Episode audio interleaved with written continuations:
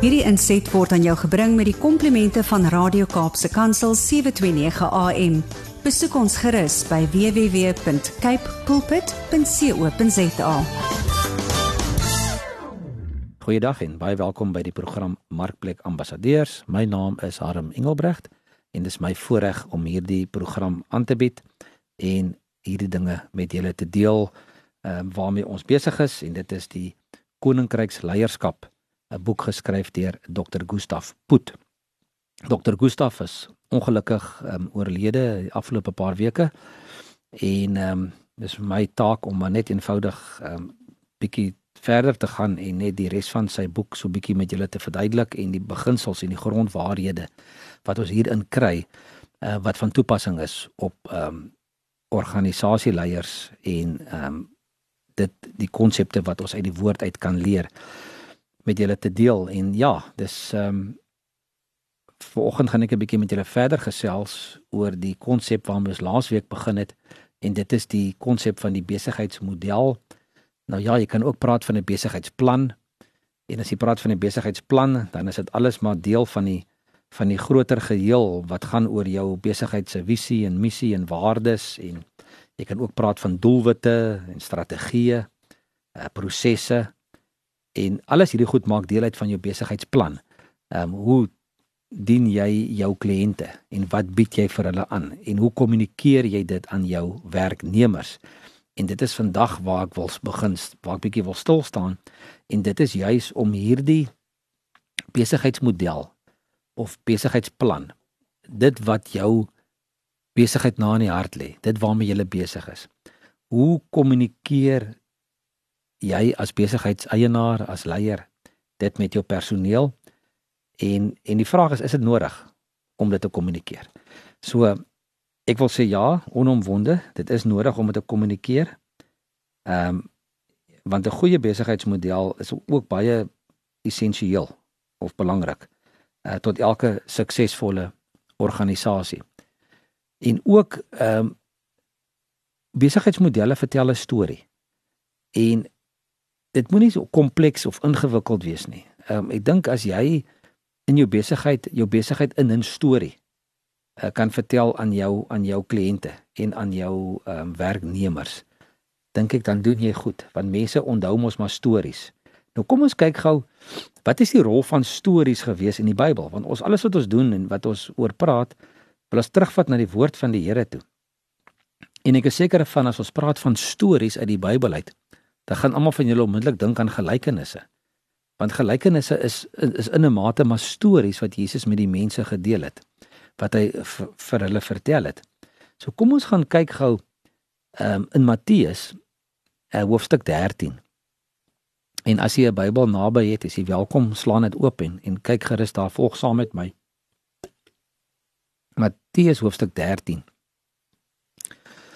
Dieselfde dag Uh ek lees by vers 1. Dieselfde dag het Jesus van die huis afgegaan en by die see gaan sit. 'n Groot menigte het om hom saamgedrom. Maar nie net sommer net nie. Daar staan, hulle het so om hom saamgedrom dat hy in 'n skuit geklim en daarin gaan sit het. Maar die mense het op die strand bly staan. Dan staan daar hy het hulle baie dinge in gelykenisse vertel en onder andere gesê. En toe vertel hy vir hulle die gelykenis van die saaier. Daar staan hy het baie dinge in gelykenisse vertel. Met ander woorde, hy het ook uit stories vertel vir die mense om hulle te verduidelik hoe die koninkryk van God werk.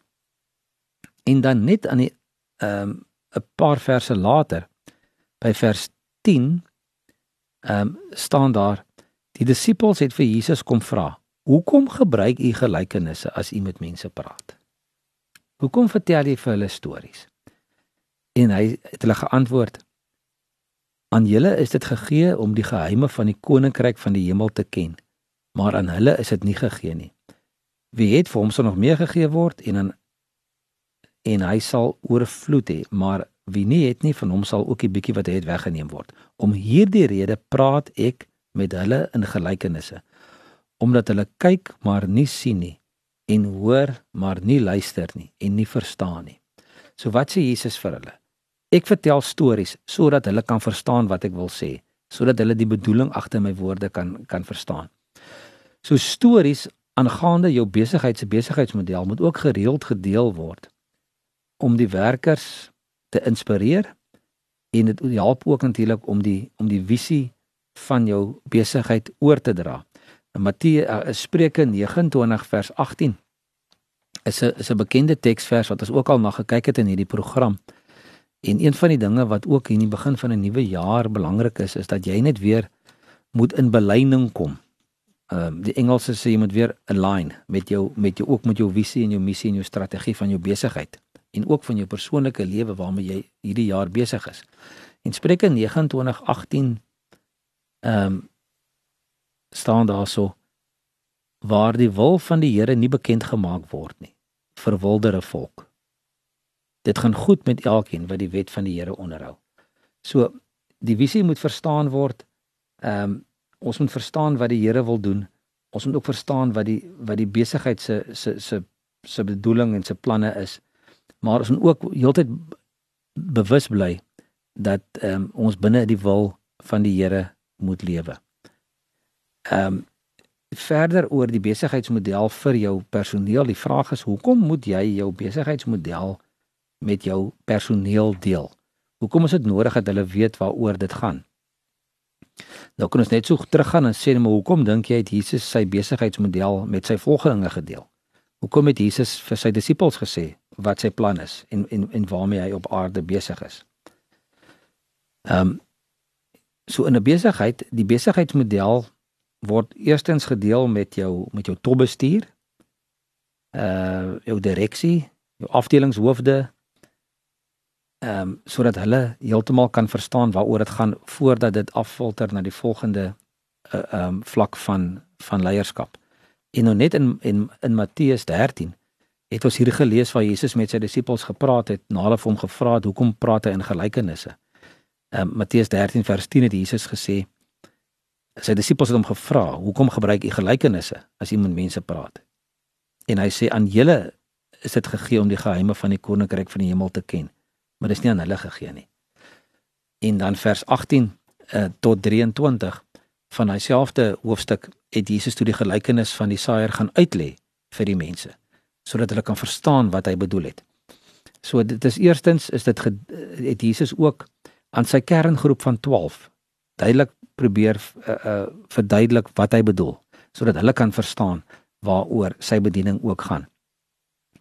En die volgende vlak ehm um, van van leiers of bestuur wat die boodskap moet kry is natuurlik die die die ehm um, of die volgende vlak van leiers wat die boodskap moet kry is belangrik want want hulle moet dit weer oordra aan jou aan die werknemers. En dan skryf uh, Dr. Gustav Put hier in sy boek A simplified and deeply shared business model creates high levels of excitement, energy and purpose in an organization. Nou kan jy vir jou vir jouself dink as jy as jy vir vir mense in jou besigheid presies verduidelik waaroor jou besigheid gaan en hulle verstaan dit heeltemal. Ehm um, hoe maklik gaan jou besigheid bedryf word? Want elkeen gaan weet wat hy moet doen en waar hy inpas en ons gaan 'n bietjie meer hieroor praat later ook in 'n volgende program. Maar die besigheidsmodel ehm um, is verder ook 'n ingesteldheid. Ehm um, dis 'n mindset. Ehm um, ons het met die begin van laasweek uh, se program het ons gepraat van Johannes die Doper wat gesê het bekeer julle want die koninkryk van die hemel het naby gekom. En daai woord bekeer in Engels beteken repent. Ehm um, in, in Grieks beteken dit metanoia wat beteken om anders te dink, om jou denke te verander, om 'n nuwe amper 'n nuwe model te kry in jou gedagtes. En en dit is belangrik as die besigheidsmodel aan aan werknemers verkondig word en oorgedra word dat hulle ook daai nuwe manier van dink uh, kan kan kan ervaar van hoe hulle hulle besigheid en dit wat hulle doen moet sien. Hierdie gedeelte van die besigheidsmodel se kommunikasie aan jou aan jou personeel wil ek afsluit deur die opsomming uh te lees aan die einde van hierdie hoofstuk van van Dr. Gustav Putz se boek Kingdom Leadership. waar hy vra how important is an organization's business model? If any amount of energy, time and leadership capacity is invested invested in designing a business model, the answer to this question is really a no-brainer. An even more futile context would be one where after having spent so much on designing a business model, it is kept in top secret amongst the higher uh leaders of the organization. Dit is wat baie keer gebeur. Mense maak hierdie pragtige wonderlike planne maar hulle skryf dit neer en hou dit in 'n leer in 'n in 'n laai of in 'n boek en dit word nou nooit gedeel met die werkers of die leiers of die volgelinge nie. Nou as Jesus aarde toe gekom het en God het hom gestuur met 'n opdrag. En hy het dit vir niemand kom sê wat hy kom doen nie. Hy het net daar op 'n klip kom sit en met respek en rondgekyk wat gebeur op aarde. Sou dan mos nou niks gebeur het nie. En sou ons vandag nie die voorreg gehad het om hom te ken nie. So die bekendmaak van die besigheidsmodel is baie belangrik. He staan many years ago while exploring better ways of um dissemination my of research findings in the social sciences. Before the internet um I came across the article with the title if we have discovered something and we told nobody nobody. Have we? So die vraag wat hy vra is as ons iets ontdek het en ons het niemand vertel nie het ons dit dan nou regtig ontdek? Ehm um, so my my vraag is ook weet as jy vandag sit as 'n kind van die Here met daai geheim Kolossense 1 uh, vers vers 27 sê die geheim is Christus in jou is die hoop op heerlikheid as jy vandag met dit rondloop binne in jou en jy deel dit nie is die vraag het jy dit dit wat hy aan ons gegee het, moet ons gaan uitdeel aan ander. Ehm um, CBMC se fokusvers rondom ambassadeurskap 2 Korintiërs 5 vers vers 20 en verder vers ekskuus vers 17 tot 20 praat van die die geheim is die die die die versoening, die die verlossing wat plaasgevind het. Die boodskap van versoening is aan ons toevertrou. Die bediening van versoening is aan ons toevertrou. En die vraag is, Wat doen ons met daardie versoening wat aan ons toevertrou is? Gaan deel ons dit uit of hou ons dit vir onsself? Leef ons daai versoening uit? En die vraag is ook indien jy jou besigheid se plan, jou besigheidsmodel vir jou werkers bekend maak, dan kan hulle dit, dit saam met jou, dan trek hulle saam aan die wa. Baie keer dan praat ons met besigheidsmense, dan sê hulle hulle sukkel verskriklik want hulle kry nie samewerking van hulle mense nie. Hulle kry nie samewerking van hulle personeel nie. En dan is die vraag eenvoudig nou maar, hoekom is dit so? Nee, maar hulle verstaan nie wat ek wil hê van hulle nie. Dan is die vraag, nou goed, het jy al jou besigheidsmodel aan hulle gekommunikeer? En 9 uit 10 keer dan is dit nee, ons het nie. Uh, hoe doen ons dit? Of die persoon weet self nie eers wat sy besigheidsmodel of plan is nie. So net om so 'n bietjie te motiveer vir oggend en so 'n bietjie te inspireer is om te sê hier in die begin van hierdie jaar, as hom nog 11 maande oor, doen 'n bietjie die moeite en gaan skryf 'n bietjie neer. Wat is jou besigheid? Ehm um, jou organisasie, jou maatskappy se visie, missie en waardes. Maar nie net dit nie. Ook wat is jou doelwitte? Wat wil jy graag bereik? Watter strategie gaan jy volg om daarby uit te kom? Watter prosesse moet gevolg word? Hoe gaan ek hierdie dinge wat ek neergeskryf het implementeer en uitvoer? En hoe gaan ek evalueer of dit gedoen word.